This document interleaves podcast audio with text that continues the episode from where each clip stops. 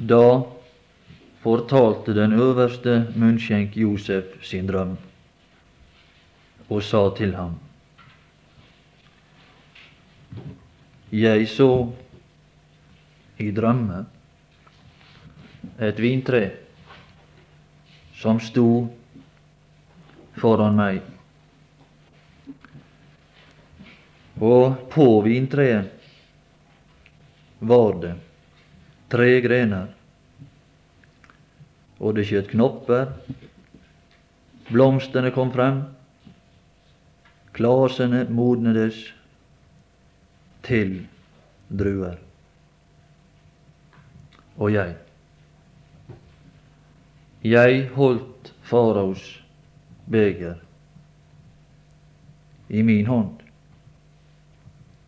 og jeg tok druene og krystet dem ut i faraos beger, og så rakte jeg farao begeren. Da sa Josef, da sa Josef til ham, Herre Jesus, du uttenkte disse ting før enda denne verden var skapt. I tida si fylde så skrev du det ned. Og her står vi i dag. Kan du la den skjønnhet som du la ned, bli oss til del ved din ånd? Så ber vi om det. Og hvis det skjer, så ønsker vi at den æren måtte tilfalle deg. Velsign denne kveld for oss, Herre Jesus. Amen. Den munnskjenk som vi her ser, han har ingenting av godt i vente. Hans utvikling, den har vi sett på, og den er en vei som går ned fra å være i denne konge sin nærhet til å være i ei stilling der han sitter i et mørkt, trist fangerom. Og det neste vi hører om, er faraos fødselsdag. Det er faraos fødselsdag, og det taler om Golgata. Det er et trist sted, Golgata. Det taler om at Gud ikke lenger kan tolerere den som synder. Han måtte holde et oppgjør med synder, og det gjorde han på Golgata. Det er faraos fødselsdag, der han avslutter ett år og begynner på et nytt.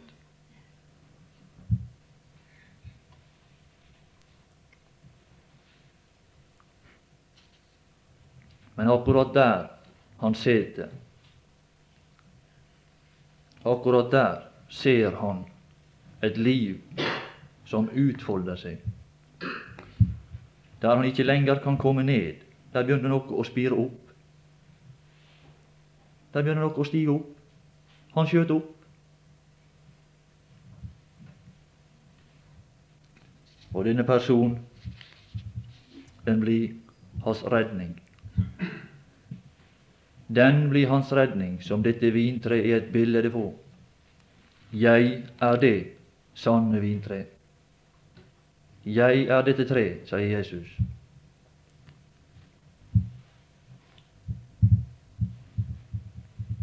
I vers 10 står det 'og på vintreet'.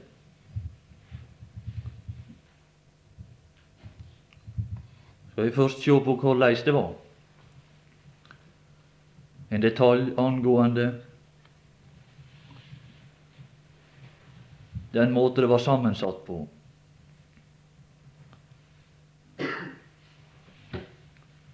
Det hadde tre grener, står det. Og jeg tror at vi finner disse tre greinene igjen i Matteus 3, over 16.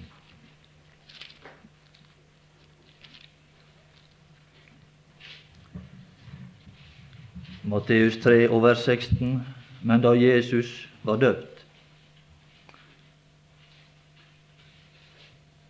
steg han straks opp av vannet. Det er en som er snar å komme seg opp av vannet, for det er dommens vann. Han vil helst bli ferdig med det. Det å komme seg opp av dommen. Han vil, vil helst bli ferdig med det. Og jeg er glad for at de er ferdig med dommens vann, jeg også. Det er Jordans vann, som Israels folk også måtte gå gjennom. Steg han straks opp av vannet, og når han steg opp av vannet, hva skjer da? Hva skjer da når du er ferdig med dommen? Ja, da åpner himmelen seg, da. Da åpnet himmelen seg over ham. Du sett den åpne himmel? Men det var over ham. Og det her er han omtalt. La oss bare ta med det. Her er han omtalt som kun er den eneste person som er gått på denne jord, som himmelen kunne åpne seg over på grunn av de kvaliteter som var i han. Hans personlige kvaliteter. Hvis himmelen åpner seg over oss, så er det på grunn av at vi låner hans kvaliteter. Vi låner hans kvaliteter. Vi får dem med nå. Han gir dem fra seg. Han gir det. Så ga han denne røver på Golgata. Du skal få mitt, sa han. Nå kan du få denne, denne reine drakt, som er erverva ved et rent liv. Og hva du har du da, røver? Skal jeg ta på minne drakta di? Det er bare, det er bare Ja, det er bare pjalta. Så gjenger så tar jeg drakta di, og så går jeg inn i Guds dom med dette. Så tar jeg oppgjøret for det. Du skal være med meg, røver. Og når jeg er ferdig med å ta straffen for dine pjalter, så skal vi treffes igjen. Skal vi treffes igjen, oss to karene. Hm? Skal bli gode kamerater. Og skal vandre sammen til et annet land. Det er slik jeg lærte han å kjenne, som løste mitt problem. Og jeg er glad jeg elsker denne personen. Jeg gjør det. Hvis det står ikke mye. Jeg sier ikke mye her. Men det er noe i forbindelse med denne personen. Det er noe med denne personen som gjør at det kaller fram noe her inne. Vi elsker ikke mye, men fordi han elsket først, så er det noe som slår her inne. Så kan du lese da hvor mye det er. Mye der lite, der er ditt. Peter, han sa mye. Elsker du meg mer? Peter, du elsker visst mye, du. Ja, sa Peter, ja. Ja, du veit det, sånn. Ja. Ja, så prøvde han igjen. Elsker du meg mer? Ja, ja, sa Peter, jeg slær litt av. Jeg går ned et hakk. Ja, du vet alt, sa han. Det var ikke alle tider. Det var ikke hver gang. Nei, det var ikke alltid at det kom så klart fram. Men det var litt. Ja, ja, vi leser videre. Det var disse tre greiene vi skulle se på.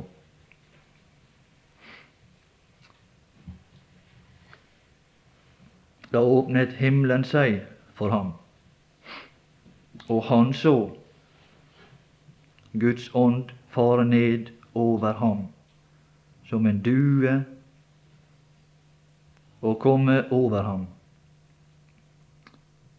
Og se, det kom en røst fra himmelen som sa, Dette er min sønn, den elskede, i hvem jeg har velbehag.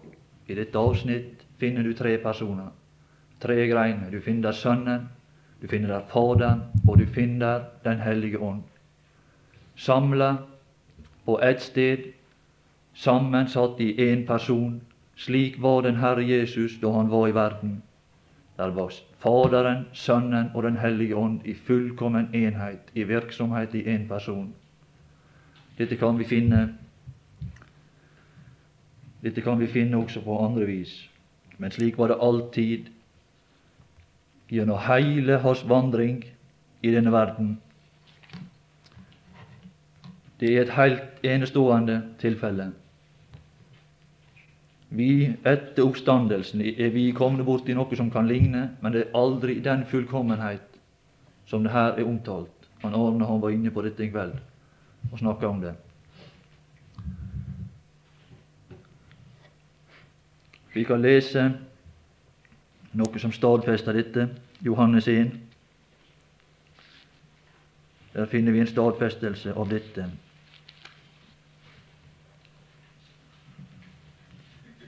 Vers 31.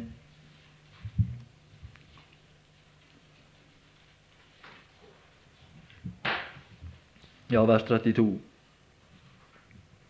Johannes vitnet og sa, Jeg har sett Ånden komme ned som en due fra himmelen, og han ble, han ble over ham. Her er det første gang Den hellige ånd kommer ned over et menneske som var av en slik kvalitet at han kunne bli, forbli der og være denne personen uten å måtte trekke seg tilbake. For Den hellige ånd bor ikke i det ureine. Han måtte ikke trekke seg tilbake. Han kom ned og fant et, et tempel der som han kunne bo i, i dette legemet. Og der blei han. Det var den første gang dette skjedde. Det står mange ganger i Det gamle testamentet at, at Ånden kom over ham, og han talte profetiske ord. Men siden gjorde han det ikke mer, står det. Det opphørte. Det var bare til ei tid, i forbindelse med spesiell tjeneste. Men her var han som alltid til alle tider var passende til å ha det vitnesbyrd ifra Gud at Guds ånd kunne bo der. Og det ga han ei enestående mulighet til å kunne utøve en viss funksjon ved den ånd. Slik var det også i forholdet til Faderen. Vi leser også dette vers som står etterpå. Så sier Johannes, jeg kan ta med det også, og jeg kjente ham ikke. Kan vi si det? Ja, vi kan si det. Jeg må si det også. Her sto denne Johannes. Den største som er født blant kvinner, kalte Jesus han. Ja, hva er det, Johannes? Hvordan er det med deg? Jau, er også har mørke fortid, sa han. Ja, her er mørk fortid i mitt liv også. Ja, ikke jeg heller kjente han. Sjøl den største kjente han ikke. Han som har fått Sønnens vitnesbyrd at han var den største, han også hadde en mørk fortid og måtte innrømme det at det var en guddommelig åpenbarelse som frelste han. At han fikk se Sønnen. Og slik er det med meg også. Det var ikke medfødt egenskap å kjenne Han. Men så fikk jeg en guddommelig åpenbarelse. Jeg fikk tro på Han. Men Han som sendte meg for å døpe med vann, han sa til meg, den du ser Ånden komme ned og bli over. Han er den Ja, han er den. Hva gjør han? Ja, han bruker denne ånd. Vet du hva han gjør? Han gir den til andre. Han døper med Den hellige ånd, slik jeg har karakter. Og det gjorde han på pinsedag. Da døpte han menigheten med Den hellige ånd. En gang for alltid, for aldri mer å gjøre det. Åndsdåpen eksisterer ikke da. Det er noe som er avslutta på pinsedag og skjer aldri mer. Så det slipper du å søke. Så får du holde på med nytteløst arbeid resten av livet hvis du søker åndsdåp. Det eneste du kan oppnå, det er å få ei fremmed ånd. Vi det med når vi er likevel. Johannes 8, 29.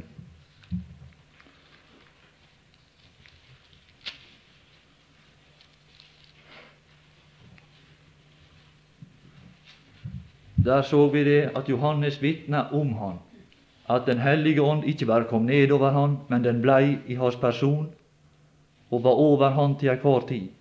Og det står andre plass at Jesus kom i Åndens kraft tilbake til, til på heimplassen der og forkynte evangeliet i Nasaret, i synagogen, i Åndens kraft. Det var Ånden som var krafta i denne personen. Derfor var han slik som han var. Vi leser i vers 29 Johannes 8 om han, og han som har sendt meg. Han som har sendt meg, er med meg.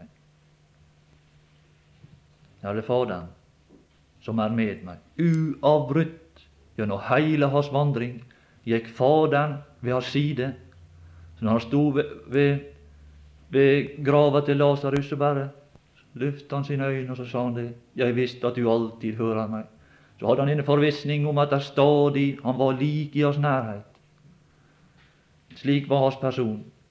Alltid en uavbrutt forbindelse mellom Faderen og Sønnen. Det hadde tre grener, dette vintreet. Det var tre personer i én, og derfor hadde også denne personen disse fullkomne trekk og denne fullkomne frukt å framvise. Og det som gjør at dette vintreet kan komme oss til gode, det er det nettopp det at dette vintreet er bildet på et menneske. Det er et menneske som gjorde seg til ett med slekta og kom inn til oss i vår situasjon og var et menneske som oss. Derfor kommer det oss til gode. Engler tar han seg ikke av. Han kunne gå inn på engleplan, men det gjorde ikke han. Han gikk inn på menneskets nivå. Og slik kunne han vært bli sett av oss og dø for oss.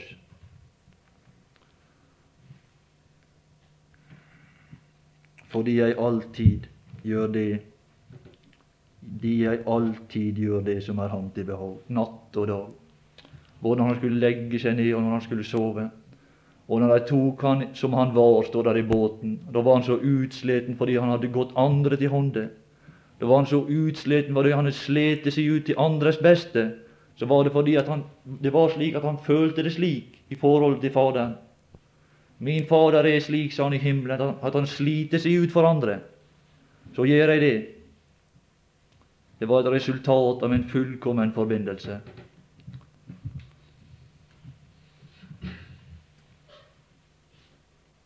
På denne måte var han i stand til å åpenbare den guddommelige fylde i all sin skjønnhet på dette vintreet.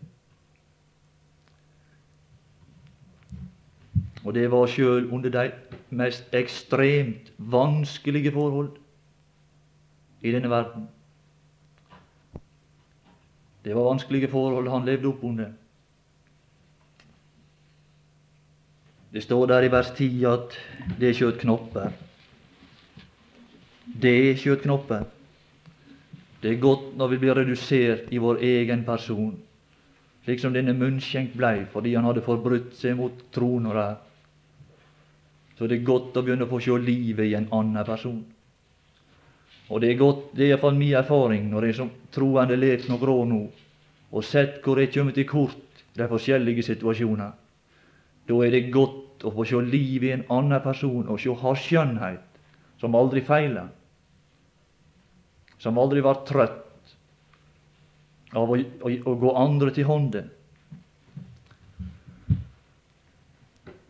Det er skjøt knopper. Hva taler det om? Det taler om liv.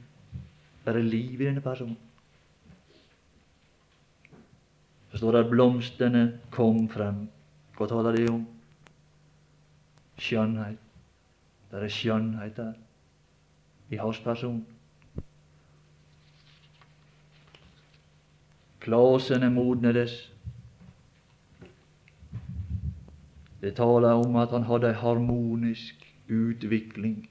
Ei langsom, men harmonisk utvikling på alle områder i sitt liv.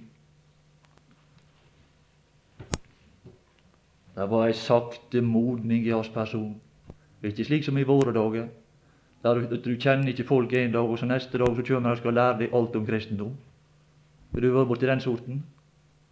Du hører aldri at de har vært en synder og blitt redusert til noe.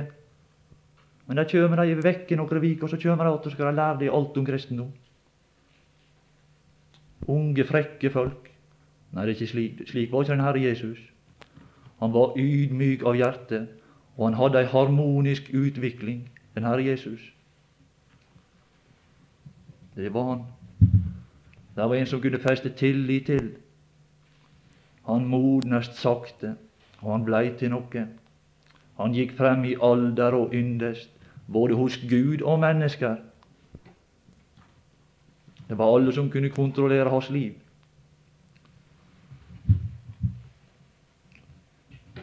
Men jeg skal si deg hva han modnest mot. Hva modnest han mot? Hva slags modning var det?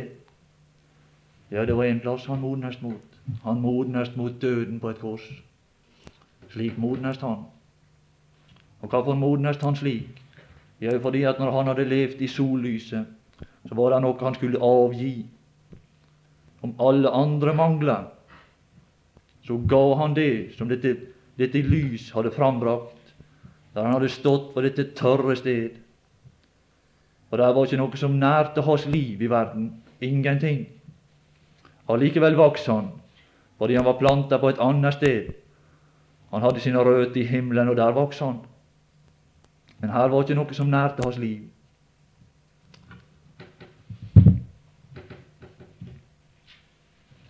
Det var ikke noen lett vei for han. Det var ikke derfor. Det er bare én ting som er sikkert, at så lenge disse druer hang på dette tre, disse klaser hang på disse tre greiner, som taler om Sønnen og Den hellige ånd og Faderen, som hadde frambrakt disse klaser, disse vidunderlige frukter, så var det nok fin å sjå på, men det var til ingen nytte for denne munnskjenk. Ikke det minste til nytte, og langt mindre for farao, som satt på trona. Langt mindre for han, som taler om Gud på tronen. Munnskjenken taler om en fortapt.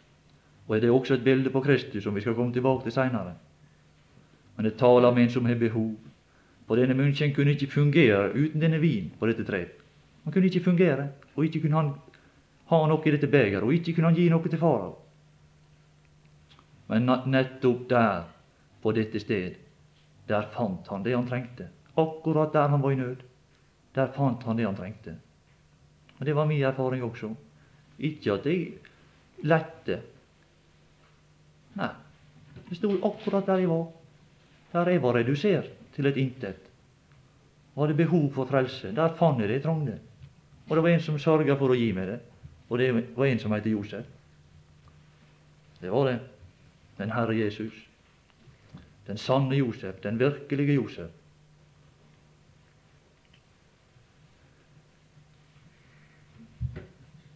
Inntil dette punkt i bildet så taler dette vintre i sin vekst og utvikling, det taler om den Herre Jesu liv. Hans liv. Så står det i vers 11 står det en stakkar med et tomt beger. Ser du det?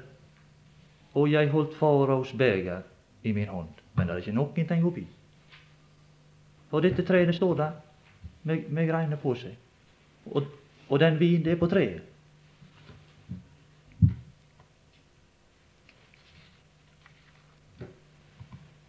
Og jeg vil i alle fall råde enhver i denne forsamling, så godt som jeg kan, til å ikke legge veien om trona med tomt beger, iallfall. Og gå til Gud uten vin. Og gå til Gud uten det som Han skal ha slukketørsten med. Det må du aldri finne på. Det tror jeg at det, kanskje alle her inne. Kanskje alle. Jeg kan ikke gi noen vitnesbyrd. Det er bare Gud som gir oss vitnesbyrd når det gjelder vår frelse. Det er bare Gud, det. Men kanskje alle her hatt den tilfredsstillelse å kunne gi Gud løsepenger, å kunne gi Gud av denne vin, det som gleder ham. Det er ikke, det er ikke verre. Det er ikke noe voldsomme greier. Det er ikke noe vanskelig. Nei, det tar noe som en annen er frambrakt, og så gir det til Gud.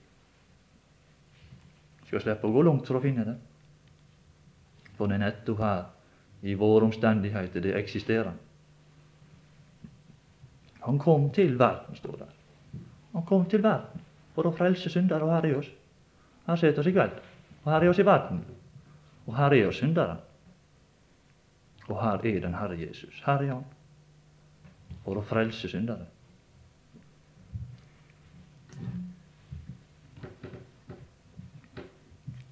Hva taler dette begeret om? Hva kan det tale om? For min del så tror jeg det taler om det som vi finner i Romerbrevet.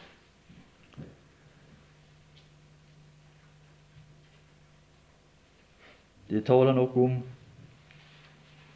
vårt legeme. Det taler om vår person. Som det står der at vredens kar, miskunnhetens kar, så står det at Gud kan arbeide et kar til ære, et annet til vanære.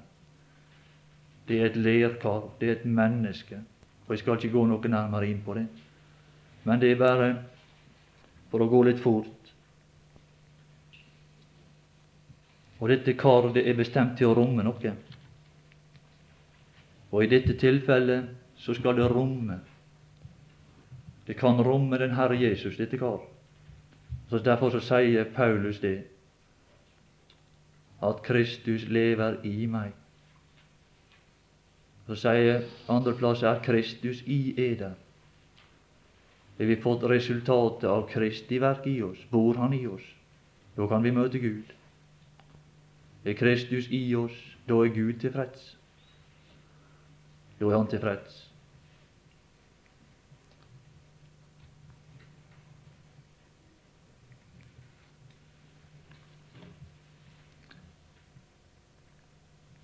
Det som vin kan stå som et bilde på, det finner vi i denne vinen, nemlig to sider. Men vi finner i Salme 104 Der finner vi at vin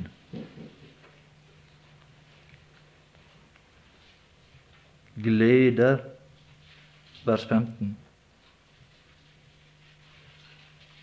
Vin gleder menneskenes hjerte.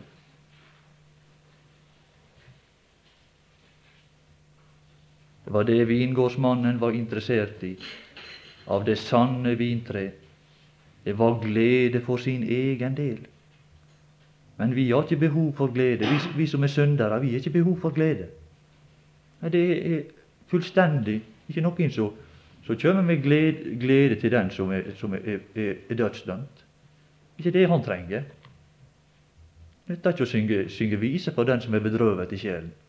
Men Gud skulle ha glede. Vi skal komme litt nærmere inn på dette. Vin gleder menneskenes hjerte, så det gjør åsynet mer skinnende enn olje.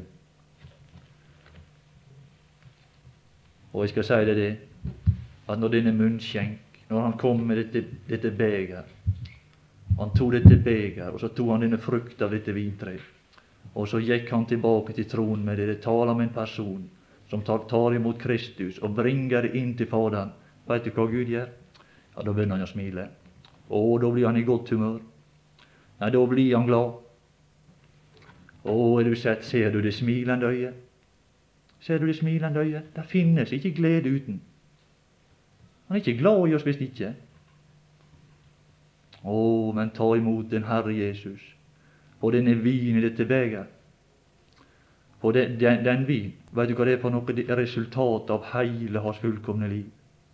Så, så tar vi det resultat ut ved hans død, og så bringer vi den inn her.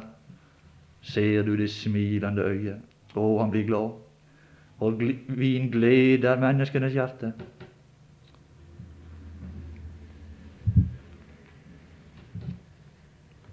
Og der som kongen er, der er ikke noe problem med glede.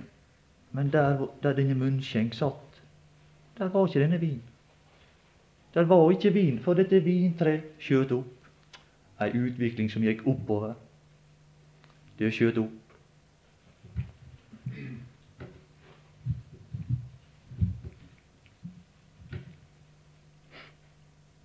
Ja, det var resultatet av dette trees vekst og utvikling som var i dette, dette kar som ble brakt tilbake til Gud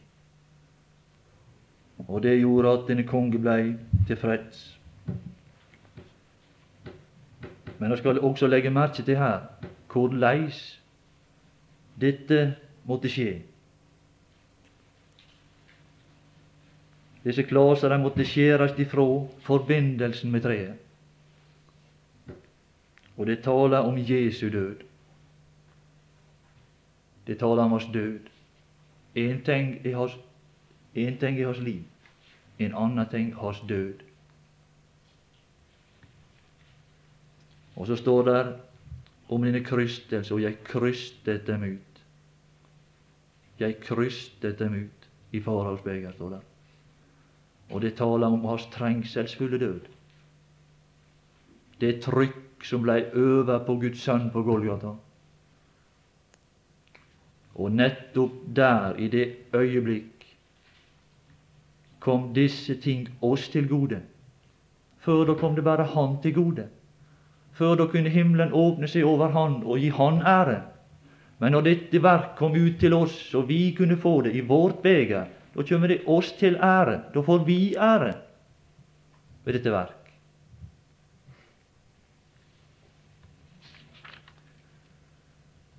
Vin taler også om en annen ting, og vi skal lese det i Matteus 26.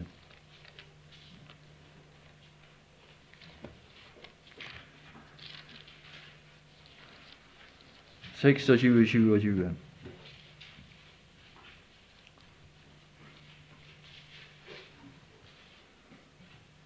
Og han tok en kalk, det er vin. Han tok en kalk, takket og gav dem og sa, drikk alle derav. For dette er mitt blod den nye pakts blod, som utgytes Hør hva fint uttrykk. Utgytes, det er å gi ut. Ikke taes. Men han ga det ut. Han ga dette fra seg. Han var slik i sin karakter at han ville gi fra seg noe av sine verdier, så kunne det komme oss til gode. Det utgytes for mange. Hva taler det om? Hva taler dette om? Det taler om syndenes forlatelse. Vin taler om syndenes forlatelse også, det. For Gud taler det om glede, for Gud hadde ikke noe synd. Gud hadde ikke noe synd.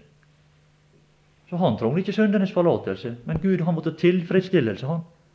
Men, men vi, hadde, vi, vi hadde det stikk motsatte behov. Vi måtte ha syndenes forlatelse.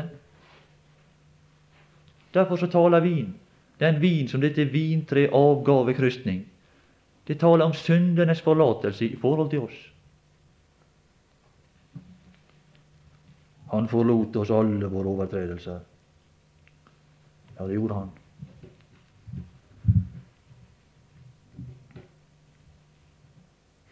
Og her, midt i disse omstendigheter, finner denne munnskjenk forlatelse for heile si fortid, den forseelse han hadde begått der hos Gud. Så finner han forlatelse for det. Og den som har fått forlatelse, hvorfor skal han sitte i fengsel? Nei, hvorfor skal han sitte der? Den som ikke har noe ond fortid, det er jo urettferdig å, la mannen sitte i fengsel. Nei, så blir han Å, da fører han en vei opp. Da fører han en vei tilbake til den sammenheng som han hadde. Det gjør det. Men vi skal se i en annen sammenheng at han ikke bare får ei, løst fortid. Men veit du hva han får? Han får også ei framtid. Men det får han på en annen måte. Det får han i forbindelse med et brød. Det får han i forbindelse med en som, som heter storbakeren. Er du løs om hånda? Den herre karen som virkelig kunne bake brød. Den Herre Jesus. Han kunne bake brød. Vet du hva syndenes forlatelse taler om? Det taler om at vi hadde ei syndig fortid. Vet du hva brød taler om? Det taler om ei god framtid. Du sender meg neste. Ja, det taler om framtid, det. Du skal leve heretter. Forsto du det? Ikke sikkert du forsto det. Vi skal komme tilbake til det. Og den Herre Jesus på nadværen, vet du hva han hadde liggende der? Han hadde ikke bare liggende der stående der en kalk vin. Han hadde et brød også. Mm. Han hadde det. Og der er du bakeren. Den Herre Jesus. Å, bakeren. Men det gikk ille, denne bakeren. Han døde, han. Men brødet Han laga et brød ved sin død. Det gjorde han.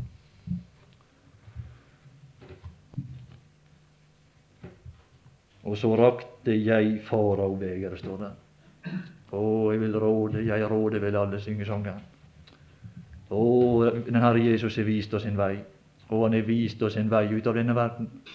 Veit du hva han gikk? La oss gå herfra, sa han. Hva la veien? Veit du hva han snakker om neste øyeblikk? Jeg er det sanne vintre, sa han. Han la veien om vintreet. Legger du veien om vintreet? Er vi lagt veien om vintreet? Så skal jeg glad og frimodig møte deg. Og jeg skal møte Han i resultatet av Kristi verk. Og jeg skal stå for Hans ansikt, og jeg skal kunne smile. Og jeg skal se en som smiler, for det er en som er fornøyd med meg. Fordi jeg er tatt imot Hans Sønn, og akseptert og tatt imot den vin som Han ville gi. Meg til syndenes forlatelse, men Gud til evig tilfredsstillelse. Å, jeg skal se en som elsker meg for en annens skyld. Vel veit de at jeg både får sett meg og forgått meg, men jeg lytta til Josef Røst i fengselet. Jeg lot han få ta, av, ta, ta, seg av mitt problem, og jeg har fått ved nåde lagt veien om vintreet, og jeg skal gå tilbake til Gud som jeg gikk ut ifra. Kan du være sikker på. Så skal jeg da frimodig møte deg på hin den store dag. Ikke på den store hvite trone, nei, men en annen dag, når Han kjem ned og tar alt som Han elsker til seg, alt som har smilfelle på. Det er ikke noe ondt igjen etter at den Herre Jesus er dødt. Alt er godt. Han renser alt. Han betalte til siste øre. Ikke slik at han kjem og så sier nei, det var ikke fullstendig, det var ikke, det må betales mer.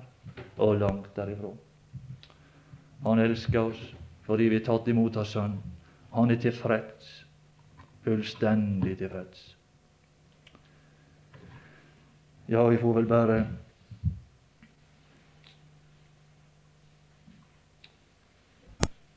slutte av, kanskje. Vi slipper å stå i avstand av troen. Vi kan gå like fram og rekke far av dette begeret med denne vidunderlige, dette vidunderlige som flyter ut av dette vintreet. Heile den Herre Jesu Kristi yndest, slik som han var i verden.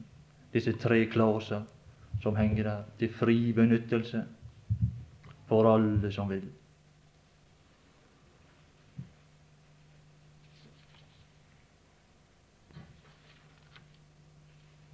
Ja, vi skal bare ta med det som vi la oss til slutt der. Da sa Josef til ham. Da kunne han felle den endelige dom over denne personen.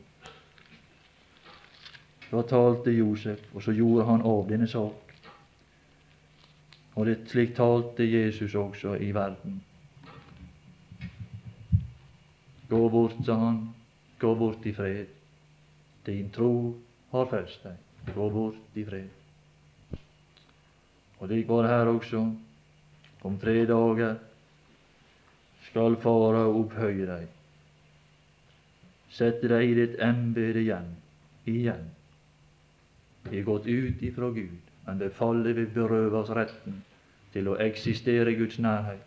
Men så legger vi veien om dette vintreet, og så kommer vi tilbake igjen i en evig sammenheng, inn i en ny tilværelse som aldri kan ødelegges av fall.